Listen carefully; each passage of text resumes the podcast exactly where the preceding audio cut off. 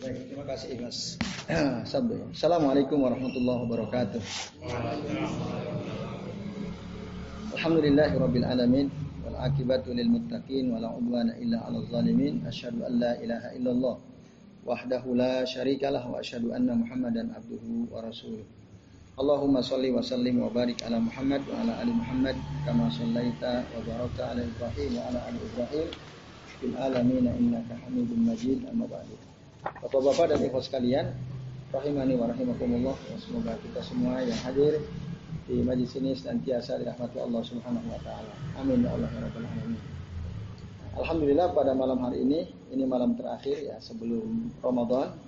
Ramadan nanti kita rehat dulu ya insya Allah nanti kita ketemu lagi di bulan Syawal ya atau sekitar bulan Mei ya. Mei kan lebaran tanggal 2 Mei ya mungkin sepekan setelah itu atau nanti terserah panitia nanti gimana ya. Nah alhamdulillah malam ini kita akan memasuki yang pasal ke-6 yaitu menghias diri dengan amal ya. Menghias diri dengan amal Bapak Ibu, Bapak-bapak dan ibu sekalian bisa dibuka halaman 91 ya. 91. At-tahalli bil amal. Tahalli al hilyah itu perhiasan. Nah, ada beberapa poin yang dijelaskan tentang menghias diri dengan amal ini yang dijabarkan oleh Syekh Bakar ya bin Abdullah bin Abi Zaid ya. Uh, beliau mengatakan min alamatil ilmin nafi kata beliau di antara tanda-tanda ilmu yang bermanfaat itu adalah nah, beliau menyebutkan ada enam ya. Tasa'al ma'anafsika an hauzika min alamatil ilmi nafi.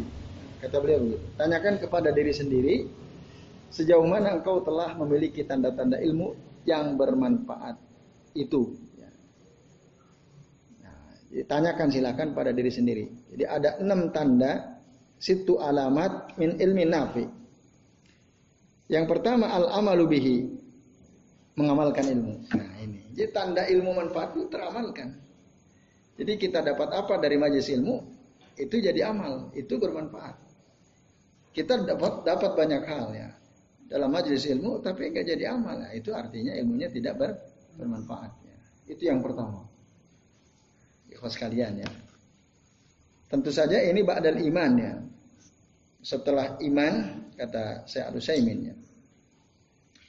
Pertama-tama sebelum beramal ya tentu kita harus yakin dulu dengan ilmu yang kita dapatnya, yang kita pelajari. Baru setelah kita yakin akan kebenaran ilmu itu kita amalkan. Ya kalau ilmu yang kita dapat kita masih ragu, ah itu diyakinkan dulu. Kan kadang-kadang ada ya kita dapat satu ilmu di majelis ilmu, tapi kita ragu-ragu ini yang benar gimana, yang benar gimana. Diklirkan sampai kita yakin baru diamalkan. Nah itu. Jadi al amal ya. Idla yumkinul amal illa bi imanin. Tidak mungkin kita mengamalkan ilmu kecuali dengan keyakinan bahwa ilmu itu benar.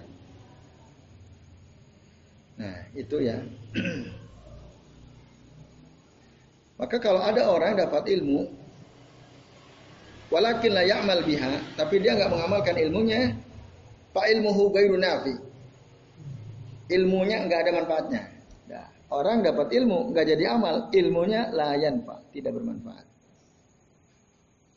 Lah, terus ada pertanyaan orang. Lah kalau begitu apakah ilmunya ya berbahaya untuk dirinya? Ya. Atau netral? Jadi kalau kita dapat ilmu kan tidak bermanfaat. Dalam keadaan ilmu karena enggak apa? Karena enggak jadi amal kan? Pokoknya setiap ilmu yang tidak jadi amal itu ilmu tidak manfaat. Antum tinggal koreksi diri sendiri. Kira-kira antum dapat ilmu jadi amal enggak tuh? Kalau banyak ilmu yang sudah antum terima, kok antum tidak jadikan amal, ilmu antum tidak bermanfaat. Ah pertanyaannya, ketika ilmu itu tidak bermanfaat, ada dua kemungkinan, membahayakan diri kita atau netral. Netral itu artinya nggak ada masalah, yang ah, nggak ada manfaat tapi ya netral saja gitu. Nah, itu kan jawaban dari saya Saimin itu katakan ya ilmu itu ada dua kemungkinan. Fal ilmu imma nafi wa imma dar. Imma nafi'un wa imma darun. Hanya ada dua kemungkinan ilmu itu. Satu bermanfaat, kalau enggak manfaat membahayakan. Udah gitu saja, tidak ada yang lain. Tidak ada pilihan ketiga. Jadi kalau antum dapat ilmu kok enggak jadi amal, ilmu itu satu berarti tidak manfaat dan itu berbahaya buat antum. Itu ilmu berbahaya buat antum. Ya untuk kita ya, termasuk kami tentu saja. Nah, kenapa? Apa dasarnya? Kan itu. Kok kalau ilmu tidak bermanfaat? Ilmu itu kalau satu manfaat, kalau enggak bahaya. Itu aja.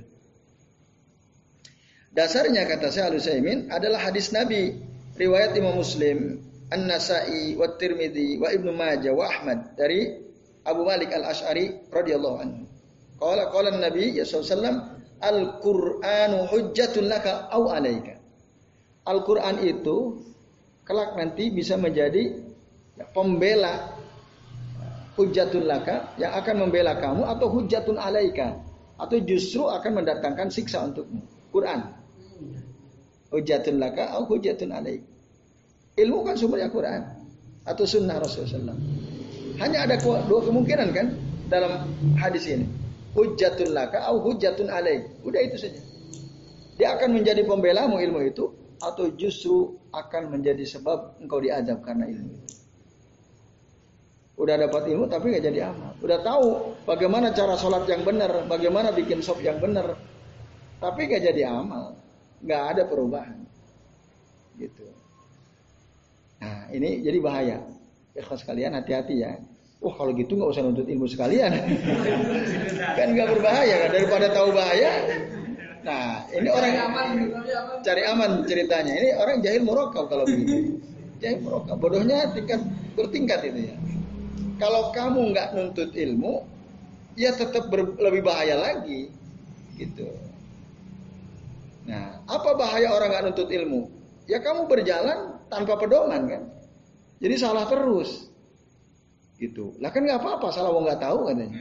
Kan itu alasan berikutnya. Ada maka ada ada uzur jahal itu ya, yang kemarin di, ya, di ditanyakan itu ya. Kata saya nggak tahu, kan kalau nggak tahu nggak apa-apa. Betul, al ya. Orang nggak ngerti itu diampuni oleh Allah. Maafu anhu. Itu hanya berlaku bagi orang-orang yang tidak punya akses kepada ilmu. Artinya sulit dia cari majelis ilmu. Di kampung, nggak ada. Eh di masjid mana ya ada kajian? Us nggak ada. Di sini cuman paling setengah tahun sekali gitu ya. Ah ada tapi ustaznya ustaz ahlul bidah.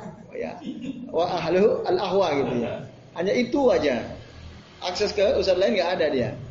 Maka orang yang begitu maafuan tapi kalau kayak kita tinggal di kota seperti ini informasi berseliweran majelis bisa kita tempuh lalu kok kita bilang saya nggak tahu ah itu nggak ada alasan nggak ada alasan saya tidak tahu karena akses ah Iya, tidak berlaku karena ada akses terhadap ilmu. Gitu. Kecuali nggak ada akses gitu ya. Boleh. Nah, orang yang kayak kita ini aksesnya tak terbuka. Kok bilang nggak tahu? Kan udah banyak informasi tentang majelis-majelis ilmu dan seterusnya. Nah, ini ya ikhlas kalian, adzan ya Allah wa ajmain. Maka uh, ilmu itu kalau tidak jadi amal, selain dia tidak bermanfaat juga membahas Ayah kan kelak nanti di hadapan Allah Subhanahu wa taala. Itu. Kamu kenapa kok nggak begini nggak begini? Wah malas ya Allah. Terlalu banyak yang harus dikerjakan misalnya. Nah, itu orang munafik kayak begitu ya. Kalau kita amal, ah? Ilustrasi begini. Iya. Gambaran. Misalnya si A dapat ilmu tentang surat al-mulk, wa taqulu ma kuntum ya ada kalimat ya muruna bil ma'ruf wa yanhauna 'anil munkar. Itu yang Heeh. Ya dosa. Untuk mengajak orang lain amal ma'ruf dan munkar tapi melaksanakan itu bisa. Misalnya lewat jalan lain. Indonesia itu bukan karena kebutuhan. Hmm. Bukan karena semata-mata tidak sembarang. Hmm. Tapi saya ingin mengamalkan lewat lesannya orang lain. Hmm. Jelas saya itu sebenarnya kamu bisa sama orang pintu masuk saya suruh Ustaz A tolong ceramah ini hiburan seminggu sekali hmm. Masih kenakah saya? Kena pasal amar ma'ruf. Tidak meninggalkan amar ma'ruf nahi mungkar masih kena pasal itu? Enggak dong. Saya enggak apa-apa. Nah itu bagian dari cara. Untuk amar ma'ruf nahi mungkar kan caranya banyak. Rasul tidak menyebutkan secara rinci amar ma'ruf nahi mungkar itu harus begini-begini. Enggak. Amar ma'ruf nahi mungkar itu harus kamu sendiri yang ngomong. Harus kamu sendiri yang turun. Kan enggak. Ada orang yang di kampung Pak Kan dia Ah, ah itu. Nah itu. Iya. Maka apa yang sudah dilakukan itu udah. Yang mana? tugas Iya, dia sudah sudah menunaikan tugasnya untuk beramar ma'ruf nahi munkar, tapi dengan cara apa tahun ya, saling tolong menolong dengan orang lain. Yang antum anggap orang itu bisa beramar ma'ruf nahi munkar sesuai dengan apa yang antum inginkan. Jadi masalah susah kita kumpulkan. Ya tentu saja bisa. Ya. Ah, ya. Oke, gitu, yang itu. Sebaliknya, uh. sebaliknya. Hmm. Gurunya fitnah itu kan banyak sekali. Uh. Kamu juga sama nyetok fitnah tuh karena sudah dikenal banget. Asli ngomongin orang itu. Hmm. Akhirnya kan jalan terus kan. Hmm. Setelah nggak bisa nyetok sendiri, biasa bisa orang lain, yang dari kamu lain. Hmm.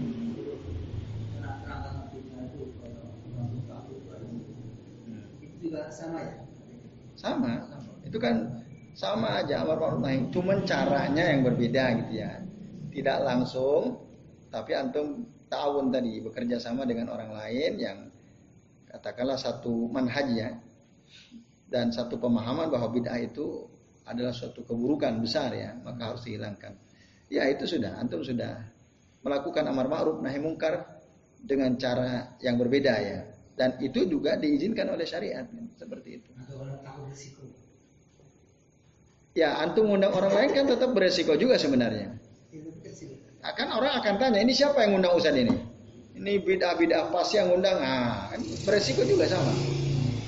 Ya, oke okay, itu ya. Jadi Bapak-bapak dan ikhlas sekalian, uh, tadi ilmu yang bermanfaat itu diamalkan. Lalu yang kedua adalah karahiyatu tazkiyah wal madah wat takabbur alal khalq. Nah, tidak suka dipuji. Ya, tidak menyombongkan diri dan tidak ya tidak menyombongkan diri kepada sesama makhluk. Itu ciri orang yang ilmunya manfaat. Tapi kalau ada orang dia berilmu suka menghebat-hebatkan dirinya,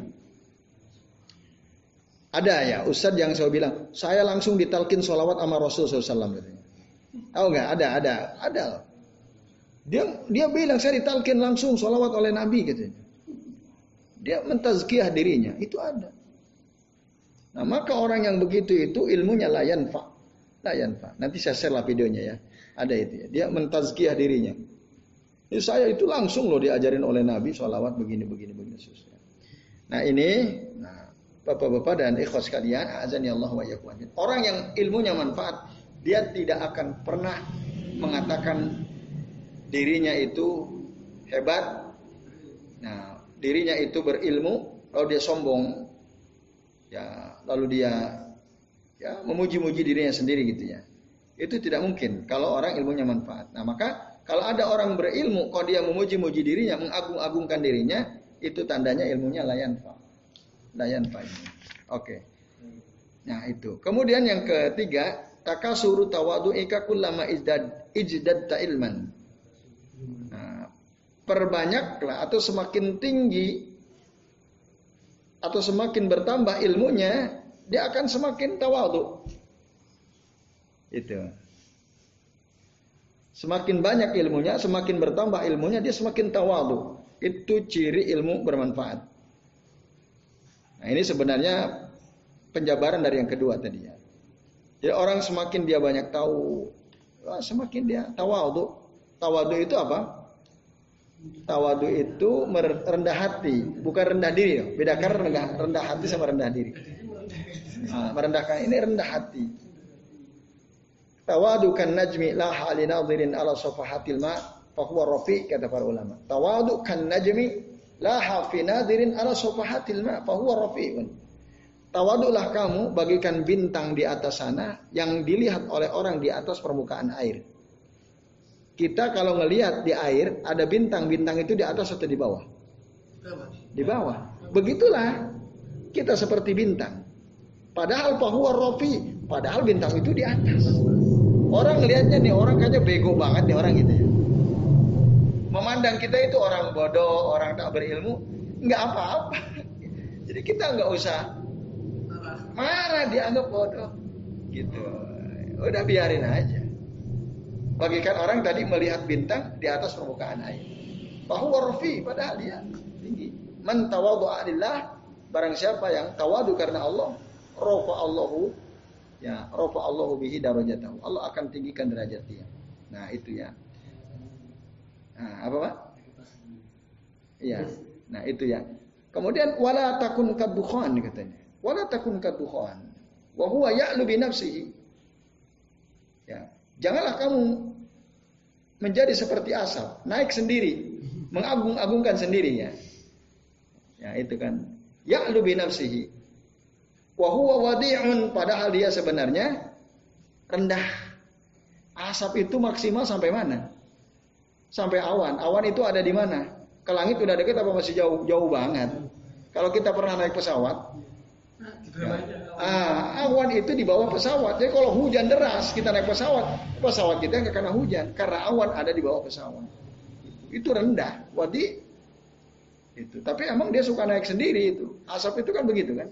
Nggak ada asap yang mau turun ke bawah, pasti naik ke atas dia. Nah, mengagung-agungkan dirinya. Oh, saya tinggi, saya tinggi. Padahal kan wadi. Ya. Nah ini, itu ada kadang-kadang ya para penceramah, para dai yang mengagung-agungkan dirinya, nah itu tanda bahwa ilmu dia tidak ada manfaatnya, tidak bermanfaat. Wadi'un. Ya. Kalau baru saja jadi orang Islam baca kitab suci nggak bisa berani membuka. Ah. Ya tahu dah, saya nggak usah sebut. Ini, ini, ini, ini nanti. Nah, ya pokoknya ada orang yang seperti itu, yang rambutnya panjang kan? Nah, iya. Nah, orang, kayak gitu tanda bahwa ilmunya tidak bermanfaat. Merendah-rendahkan orang mengagung-agungkan dirinya. Ada juga tuh yang di daerah luar Jawa itu ada juga. Ya, dia mengagung-agungkan dirinya. Wow. Ah itu itu wadi wadi dia itu wadi ya karena dia tidak tawadu. Orang yang tidak tawadu wadi'un. Wadi itu rendah. Ya. Nah itu. Zalil. Wadi hakir ya. Lalu yang keempat. Al-harabu min hubbit tara, taro. Ya, taro usi was suhratid wad dunia. Ya. Orang yang ilmunya manfaat. Dia akan menghindari sikap ambisius. Ya terhadap jabatan. Dia nggak suka jabatan, dia nggak suka popularitas, ya, dan dia tidak suka dunia gitu ya. Jadi hidupnya tuh biasa aja. Bukan jabatan yang dia kejar. Ya, bukan popularitas. Ada banyak orang dia ingin populer, wah dia buat berbagai macam cara supaya dia masyhur populer gitu. Nah, itu nanti akan pada akhirnya akan rendah sendiri, bahkan direndahkan oleh orang. Jadi jangan sampai orang berilmu itu dia ingin supaya orang mengenal dia, orang dengerin omongan dia. Jangan. Biarkan waktu berjalan ya dengan sendirinya. Kalau toh nanti Allah menjadikan dia sebagai sebab tersebar dan tersiarnya ilmu ya, nanti biar Allah yang menjadikan. Bukan kita rekayasa gitu ya. Gimana nih caranya biar populer dan seterusnya? Nggak usah dicari kayak gitu sebarkanlah ilmu udah. Nanti soal apakah Allah mentakdirkan kita dikenal orang atau tidak ya itu kembalikan kepada Allah Jangan sampai dibuat-buat gitu, direkayasa, didesain. Gimana caranya orang kita naikin gitu ya. Kita populerkan dan seterusnya. Nah, itu dunia artis ya. Kalau dunia ilmu tidak begitu. Yaitu ya, jadi seorang ilmu, seorang ulama yang ilmunya bermanfaat dia tidak menyukai jabatan, tidak menyukai popularitas, tidak menyukai dunia. Ya, bukan itu yang dia kejar. Yang kelima, ya hijru dakwal ilm. Ya, menghindari klaim sebagai orang berilmu, sebagai ulama. Saya ini ulama. Nah, orang yang ilmunya bermanfaat dia nggak pernah bilang saya ini seorang ulama, nggak pernah. Kalau dia sudah mulai mengklaim saya ini orang berilmu, ah itu tanda dia nggak manfaat ilmunya. Itu gampang banget kan. Nah itu. Kemudian ya, yang keenam yang terakhir isa'atu zan bin nafsi wa isanuhu bin nas. Berburuk sangka kepada diri sendiri dan husnuzon berbaik sangka kepada orang lain. Tanazuhan anil wuku'i bihim. Ya, berhati-hati jangan sampai mencela mereka, mencela orang. Kata saya Bakar bin Abdullah bin Abi Zaid ya. Nah, tapi ada catatan di sini. Ya. Uh, husnuzon kepada orang itu tidak mutlak harus begitu. Oh kita harus husnuzon sama orang enggak, enggak mutlak. Ada kalanya kita husnuzon, tapi ada kalanya kita perlu suuzon kepada orang orang lain, gitu. Nah, kalau ada orang yang memang pantas dia di ya, sangka buruk karena perilakunya, sifatnya, karakternya, maka nggak ada masalah. Fala fala haraja antusi Allah min ajli antah tarisa minhu. Nggak ada masalah kita suuzon pada orang itu dalam rangka untuk menjaga diri kita dari keburukannya. Gitu. Karena nanti kalau kita berhusnuzon kepada setiap orang, semua kita berhusnuzon, nah itu berbahaya. Nah itu nanti uh, kita justru akan dikuasai oleh keburukan-keburukan dia. Nah ini ya ikhlas kalian. Kemudian Allah bin Mubarak ya ketika disebutkan tentang akhlak para salaf ya, maksudnya bagaimana sih akhlak para salaf gitu ya? Beliau mengatakan la ta'ridanna bi dzikrina ma'a dzikrihim jangan kau pertentangkan kata siapa ini? Ibnu Mubarak ya. jangan engkau pertentangkan ya, kata keadaan kita dengan keadaan para ulama salaf. Kita sama mereka tuh jauh. Jauh berbeda Lalu beliau katakan laisa sahihu idza masakan kal muqadi. Orang sehat ketika dia berjalan itu tidak seperti orang lumpuh. Artinya ulama-ulama salaf terdahulu itu bagikan orang sehat sementara kita sekarang bagikan orang lumpuh. Artinya jauh. Ya, jangan bandingkan antara kita dengan para ulama salaf. Ulama salaf ilmunya bermanfaat. Nah, enam perkara yang disebutkan tadi mereka miliki para ulama salaf terdahulu. Nah, itu kata Abdullah bin Al-Mubarak. Ya, saya kira itu ya. Uh, intinya kita harus banyak meniru para ulama salaf. Kita baca biografi ya, tarjamah mereka uh, untuk bisa kita tiru ya kebaikan-kebaikan mereka. Oke, okay, itu. Terakhir ya, zakatul ilm. Menzakatkan ilmu. Nah, ilmu itu harus dizakatkan. Adi zakat al ilm, tunaikanlah menzakatkan ilmu dengan cara apa? Sadian bil haq. Itu yang pertama. Sadian bil haqqi. Ya, yaitu menyampaikan kebenaran. Orang kalau sudah punya ilmu jangan diem. Jangan diem. Dia harus sampaikan. Bahkan pernah dulu saya share ya perkataan seorang ulama. Saya bin Bas kalau tidak salah. Saya Abdul Aziz bin Bas. Jangan sampai orang fasik, ahlul bid'ah, ahlul ahwa itu lebih berani, lebih semangat menyampaikan kebid'ahannya daripada kita. Ya, ahlul hak. Jangan sampai. Maka dia harus menyampaikan kebenaran. Itu. Nah, ini memang tidak tidak mudah ya, tidak mudah. Ya, kalau ada satu majelis, di majelis itu ada ahlul bidah, ada ahlul ahwa. Dia ngomong begini begitu, mempromosikan perbuatan bid'ahnya. Harusnya kita jangan diam. Harusnya kita jangan diam. Tapi tadi kalau kita mau kantor langsung takut terjadi keributan, ya gerilya itu. Nah itu lakukan usaha ya semampu kita untuk mengkanter si ahlul bidah itu. Kalau langsung di satu forum itu mungkin akan terjadi keributan. Karena bagaimanapun ahlul bidah itu ada ada penolongnya penolongnya juga, ada penolongnya. Gitu. Nah, nanti akan terjadi ribut kisru. Udah, biarin. Nah, tapi yang jelas kita jangan diam itu. Kebenaran harus disampaikan.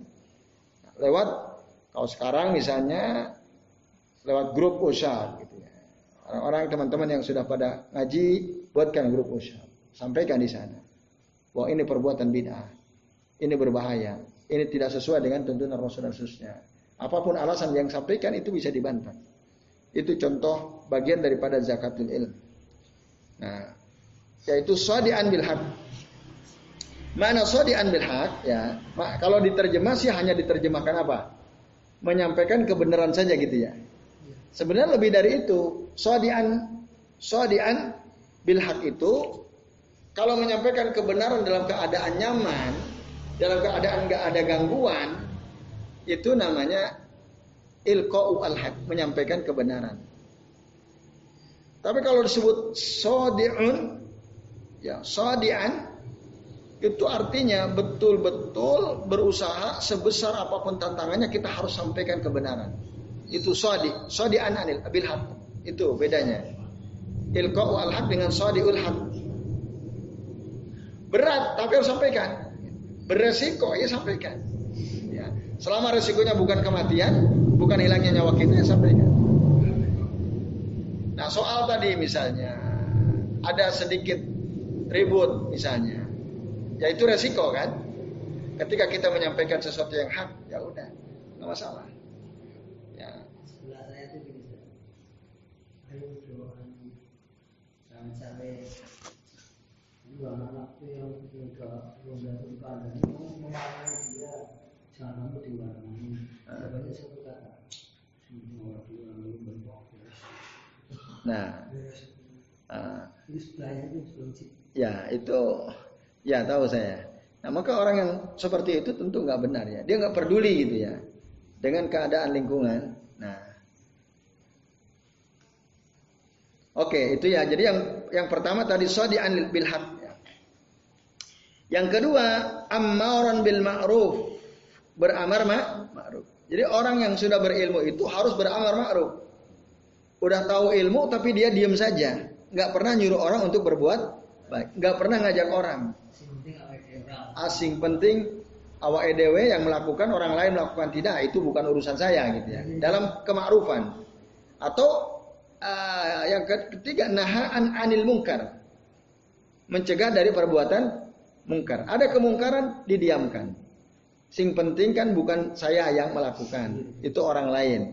Dia nggak peduli dengan kemungkaran di lingkungannya. Apa coba akibat orang yang tidak peduli dengan kemungkaran yang terjadi di lingkungannya? Apa?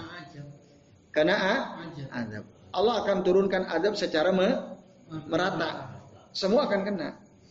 Maka seorang talib, talibul ilm, seorang alim, dia harus beramar ma'ruf nahi mungkar. Itu ada bagian daripada zakat ilmu. Zakat ilmu. Jadi jangan diam saja. Itu ya melihat kemungkaran. Allah sudah mewanti-wanti kan di dalam Al-Quran surah Al-Anfal kalau tidak salah. Masih ingat gak ayatnya? Mas Fajar masih ingat?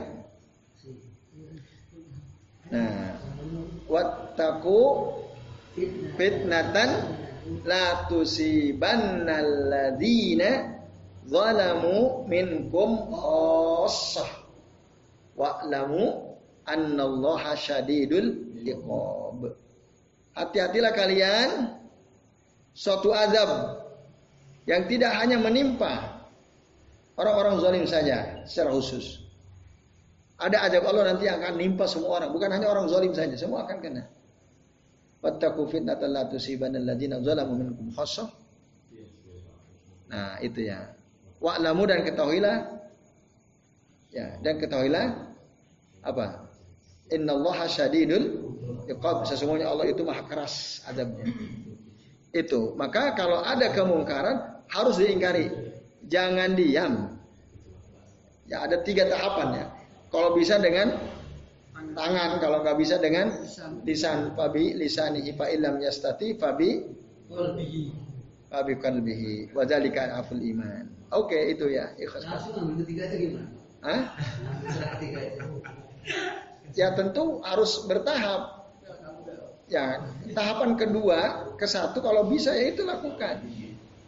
Ah nggak mau saya beresiko terus gimana? Saya mengingkari dengan hati aja gitu. Padahal dia mampu. Nah itu ya menunjukkan bahwa iman dia lemah. Padahal dia mampu. Belum dicoba ya? Ah, belum dicoba udah takut duluan kan gitu nah itu ya nah oke okay. nah Mas Apri itu ya muazanan bainal masalihi wal madar katanya ya dengan mempertimbangkan kemaslahatan dan kemadaratan. Nah ini. Jadi dalam bernahi mungkar, Bapak Ibu sekalian, ya, itu harus dipertimbangkan kemadaratan dan kemaslahatannya. Jangan sampai kita berniat untuk nahi mungkar ternyata mendatangkan kemadaratan yang lebih besar. Kalau gitu tinggalin.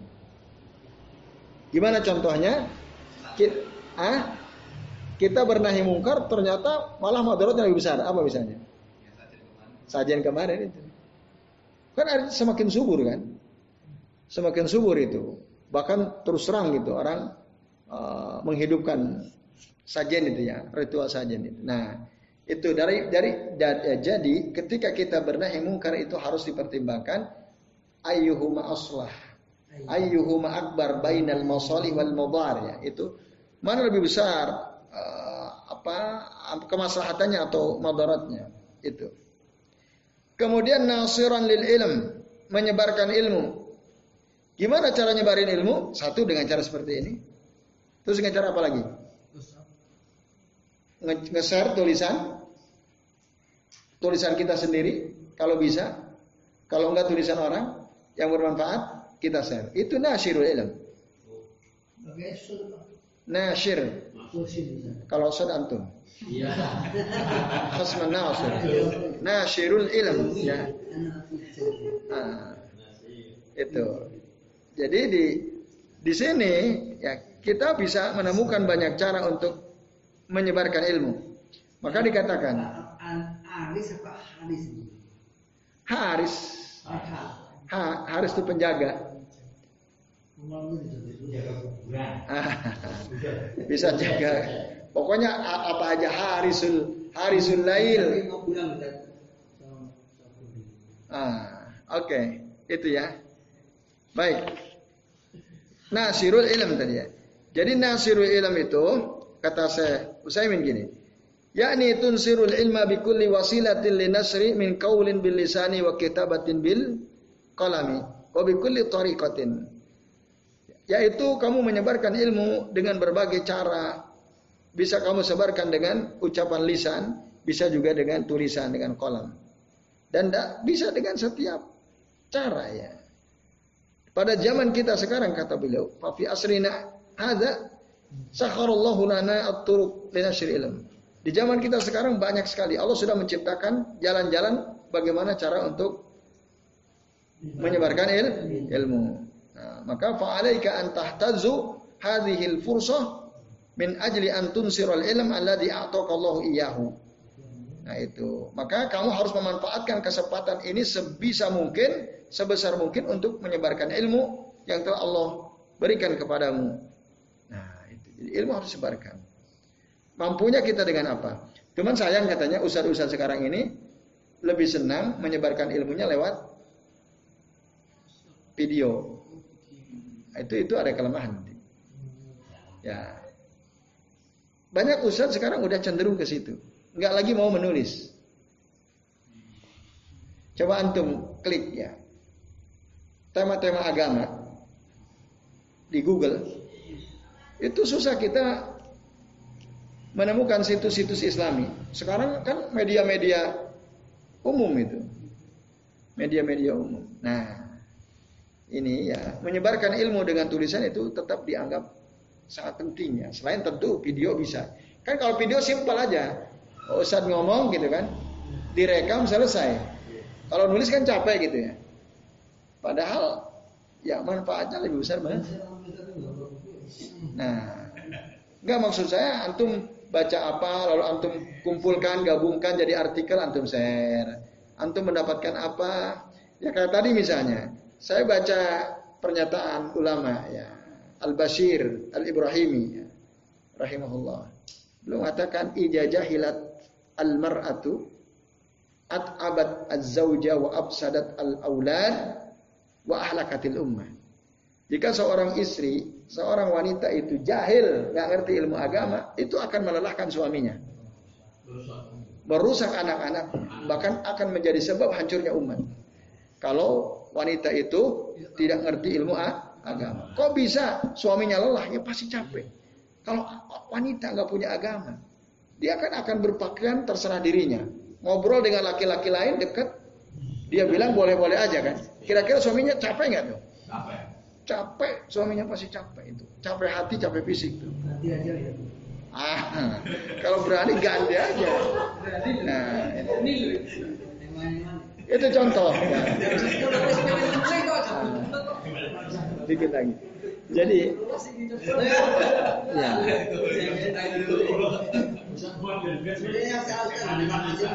Ah, enggak, enggak.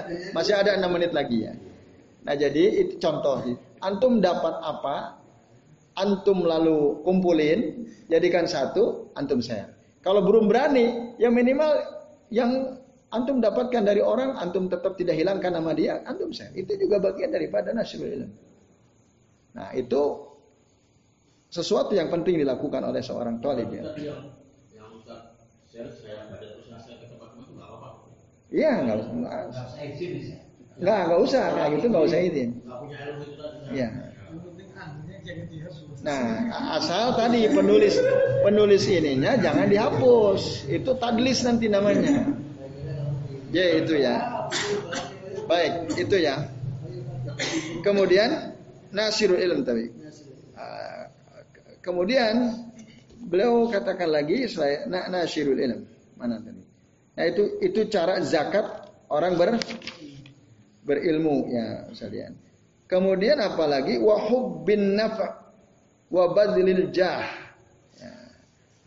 Jadi hubbin nafa itu dia senang gitu jika ilmunya bermanfaat. Nah. Dan dia ingin memang ilmu yang dia dapat itu bermanfaat untuk orang lain. Nah itu ya bapak-bapak dan ikhwas sekalian. Nah kemudian wabadilil jah. Oh di sini jah itu kehormatannya, kemuliaan si tolib tadi atau si al alim tadi. Nah dia kurbankan ya atau dia memanfaatkan kemuliaan yang dia punya dalam rangka untuk menyampaikan ilmu wasafaatil hasanah lil muslimin fi nawaibil haqqi wal ma'ruf lalu memberikan pertolongan kepada kaum muslimin dalam berbagai menghadapi berbagai musibah ya sebutkan. Dalam berbagai musibah ya. Fi nawaibil haqqi wal ma'ruf dan kebenaran ya. Dalam dalam yang dalam uh, apa? menyebarkan yang hak dan yang ma'ruf kepada kaum muslimin. Lalu dikutip hadis dari Abu Hurairah radhiyallahu anhu dari Nabi sallallahu Qala Nabi sallallahu idza mata al-insan in qata amaluhu illa min salasin. Sadaqatin jariyatin aw ilmin yuntafa'u bihi aw waladin salihin yad'unahu. Rawahu Muslim wa ghairuhu.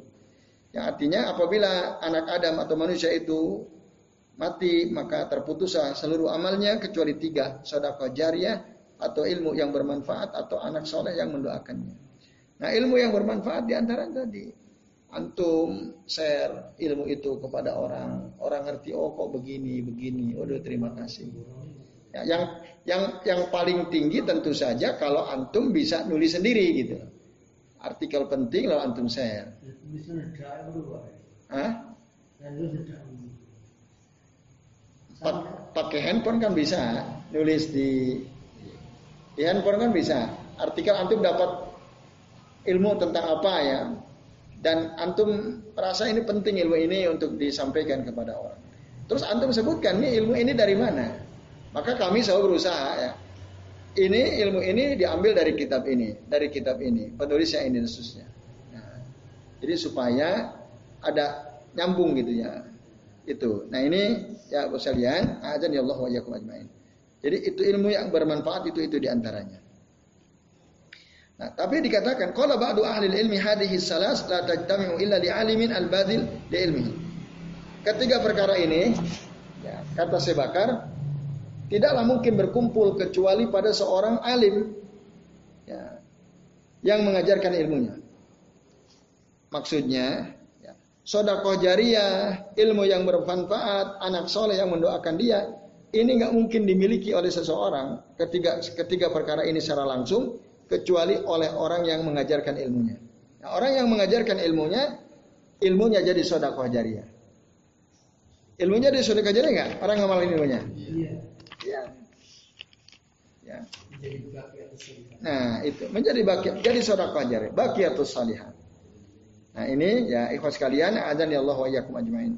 Jadi orang yang mengajarkan ilmunya, ilmunya sangat bermanfaat akan jadi sodakoh jariah bagi dirinya. Lalu di sini diberi per, permisalan begini. Uh, contoh kata kata Sebakar ya. Uh, seorang alim yang menyampaikan ilmunya, ya, yang menyampaikan ilmunya, lalu kemudian didengar oleh orang banyak, maka ilmunya akan terus bermanfaat. Beda dengan harta satu dirham yang disodakokan oleh seseorang. Jadi ada si B, dia sodako, bermanfaat tidak sodako? Bermanfaat kan? Dia kasihkan si kepada orang miskin. Sementara si A,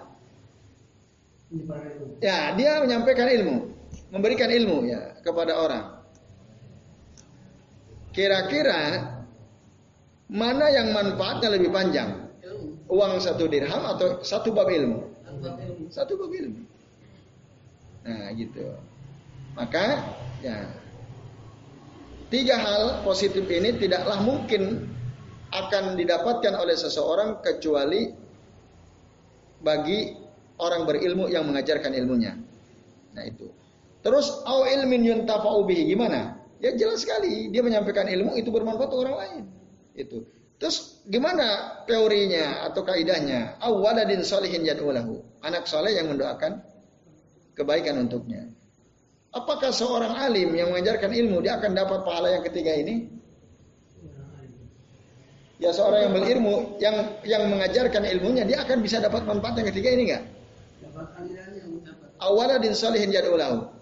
Dapat enggak? Kalau dia maaf, maaf, maaf, istrinya atau dia mandul gitu ya. Dia menyampaikan ilmu. Malah kasbi siapa yang bisa dapat? Bikasbihi. Kalau anak, punya anak. Anak anak bukonda ya, anak angkat saya. Oh, anak angkat ya. ya. Saya pindahkan masuk ke pondok. Mm -hmm. Nah, mm. dia mau ilmu. Saya ya. dapat aliran. Ya. Dapat enggak? Dapat, dapat. Bukan ya, ya. ya, seperti itu dapat. Karena antum menyekolahkan dia kan? Ya. Nah, itu antum dapat gitu. Karena Gimana? Belum punya? Belum pernah menyekolah anak-anak anak sendiri. Masih. Oke, okay, ya.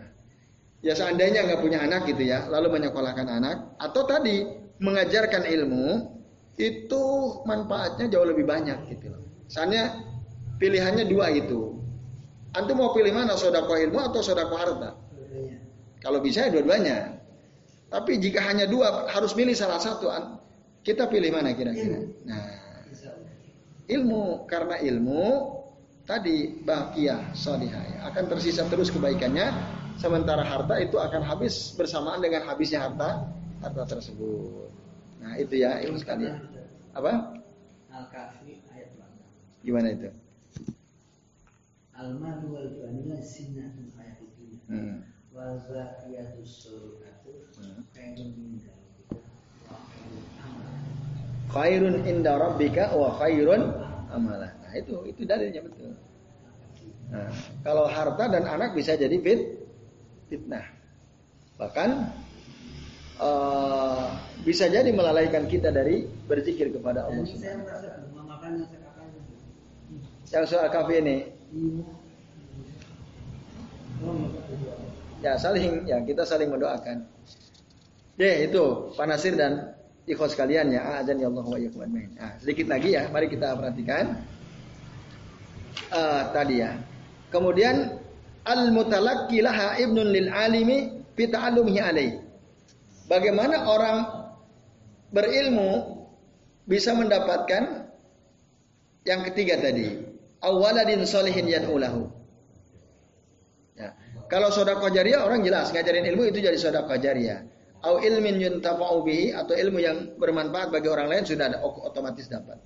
Lah bagaimana orang berilmu dia mendapat yang ketiga awaladin solihin yad'ulahu. Nah, kalau kata saya bakar ya orang yang belajar ilmu kepadanya maka orang yang belajar itu ibarat anak. Ibarat anak. Dan begitulah Rasulullah.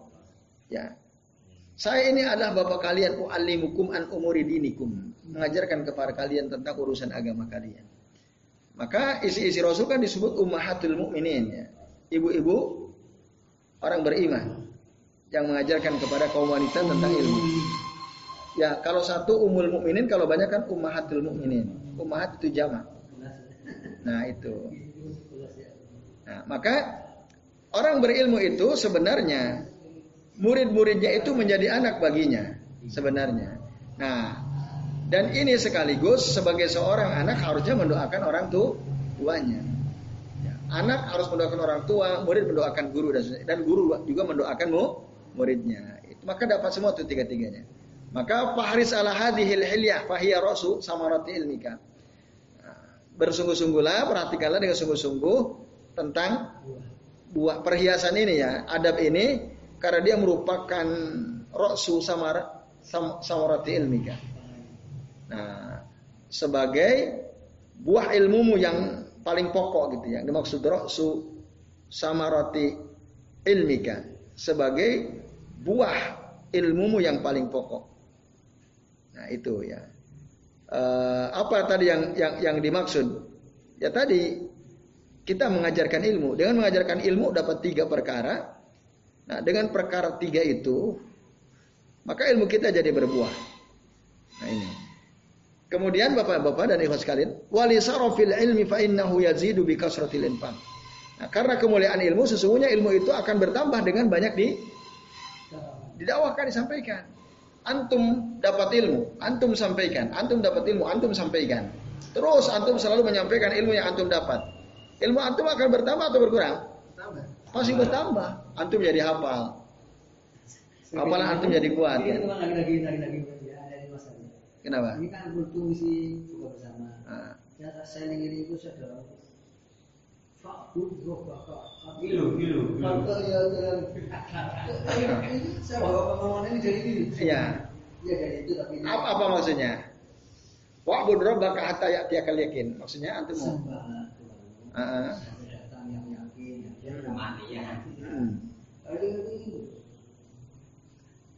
Artinya ibadah terus sampai kamu mah mati kan. Nah, tolak boleh ilmi termasuk bagian dari ibadah. Iya. Tapi masalah sendiri mana? Jadi Malah apa? Jadi. Ya baik.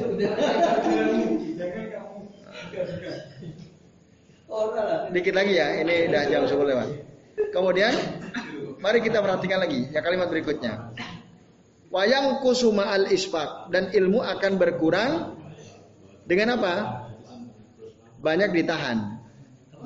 Ilmu itu kalau kita tahan nggak kita sampaikan, baik lewat tulisan maupun lewat lisan itu akan tertahan ilmu.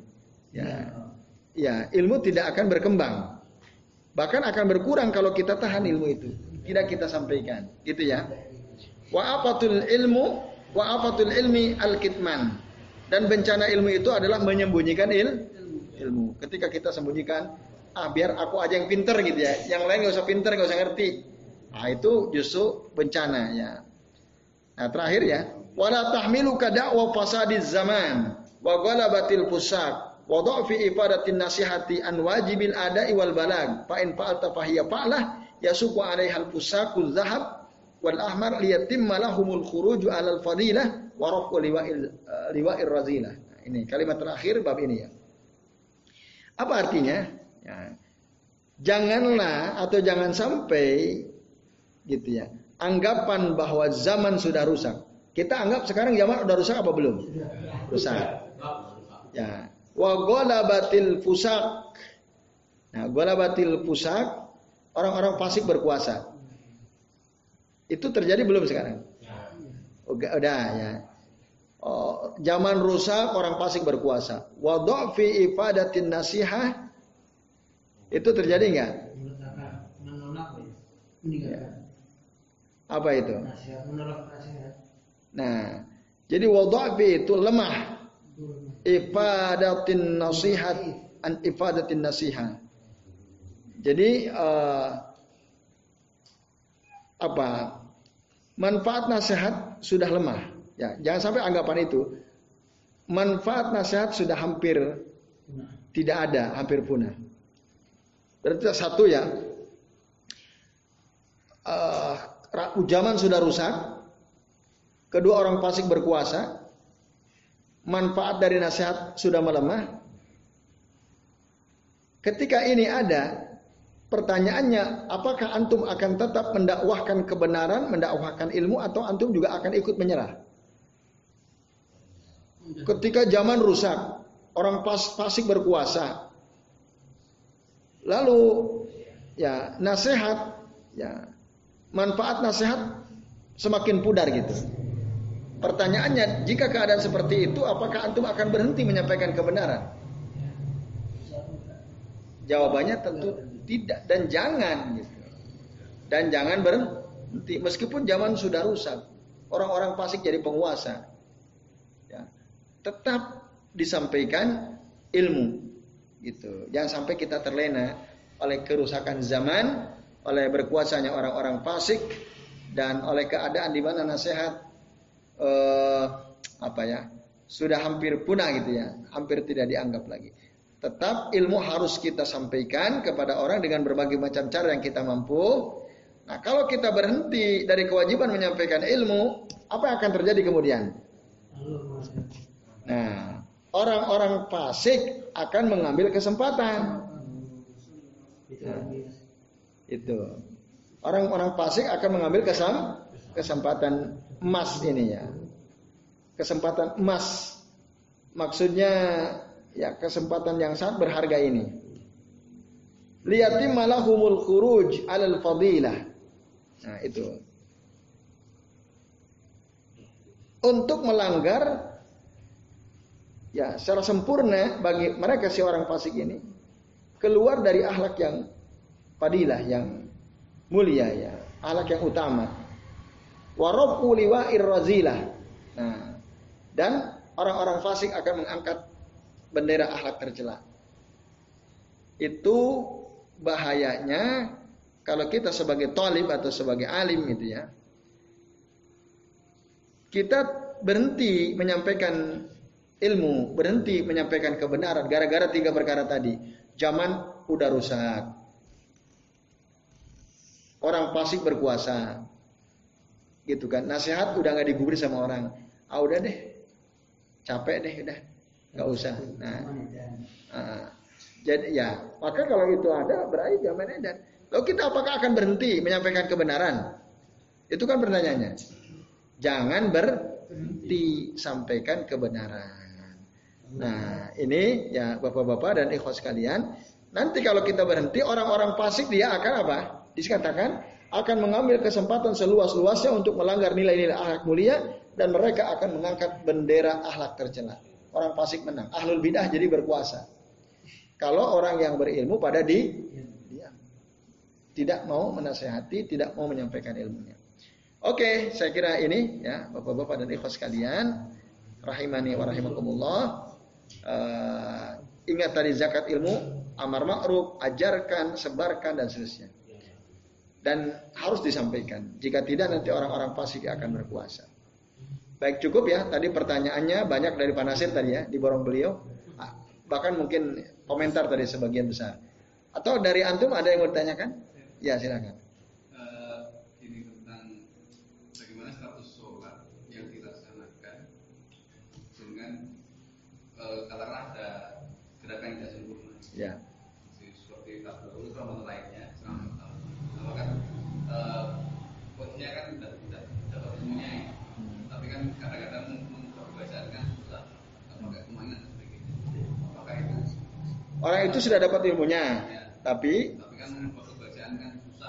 merubah bacaan, Membuat kebiasaan ah, kebiasaan. nah. eh, terlalu cepat dan misalnya seperti itu. Ah. Apakah seperti itu eh, bisa tidak diterima dan bahkan dia? Mm-mm. Nah, ini.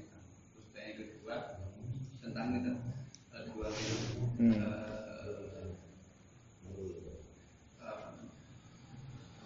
jamak ketika hujan Ya. itu apakah setahu saya kan pelaksananya kan di masjid dan bisa berjamaah Hmm. apakah itu bisa dilakukan munfarid dan eh, adakah batasan boleh pelaksananya ketika hujan deras atau hujan biasa pun boleh Hmm. Ya baik, terima kasih. Itu Mas Abri ya, dua. Nomor satu, kita udah tahu ilmu bahwa yang benar itu begini, begini, begini. Katakan dalam konteks sholat gitu ya.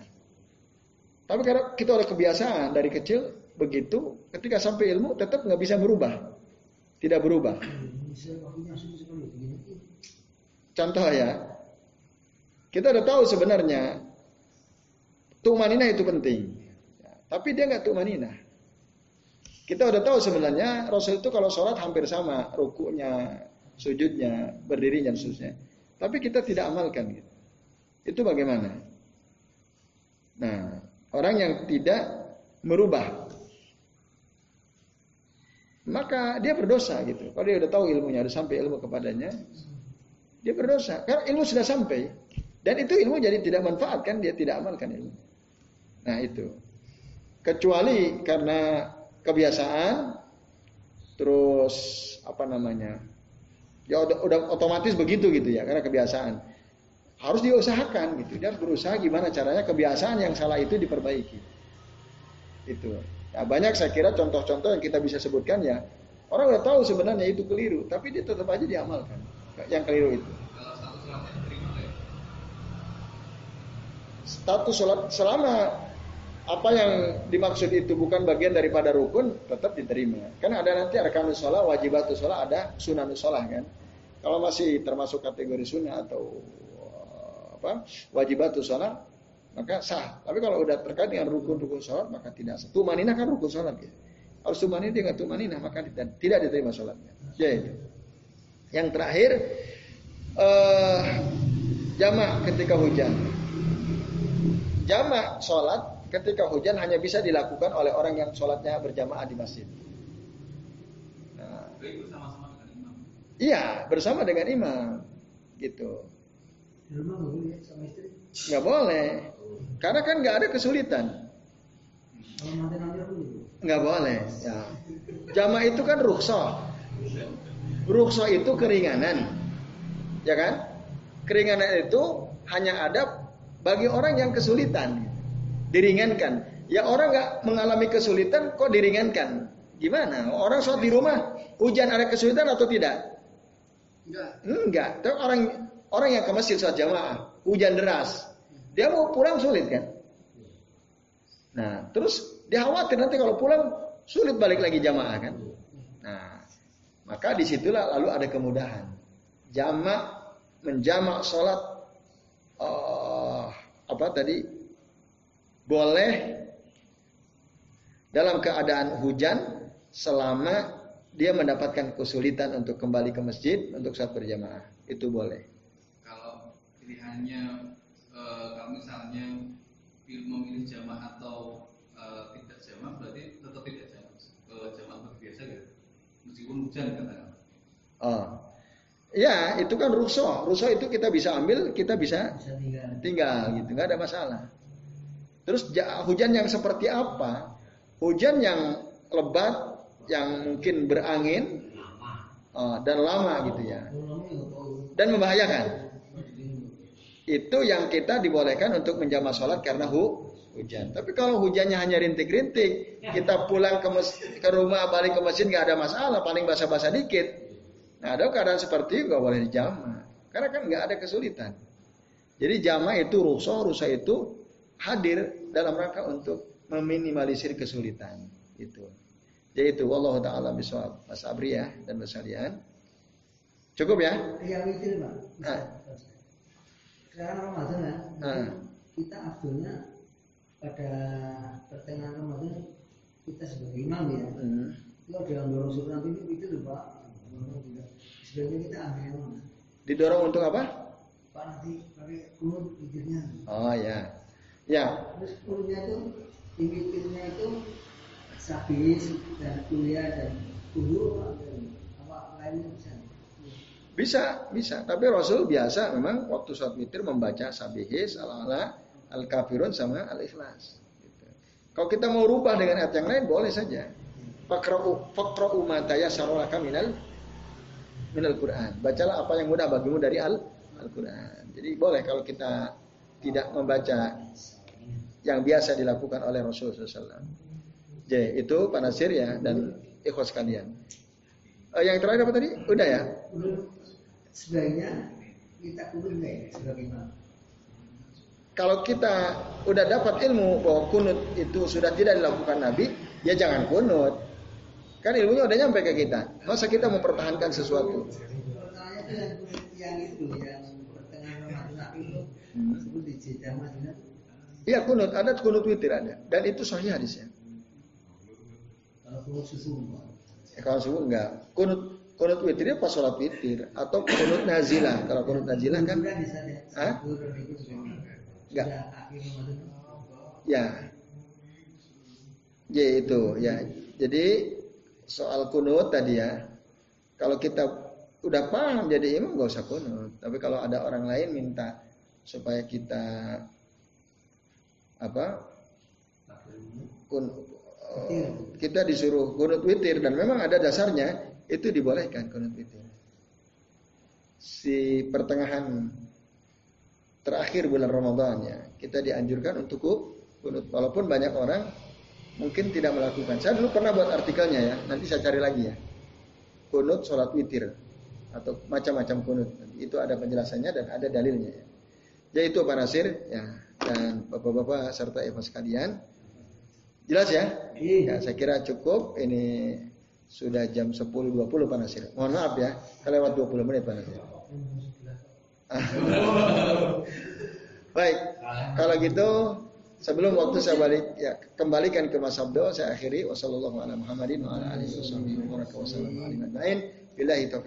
wassalamualaikum warahmatullahi wabarakatuh. Waalaikumsalam.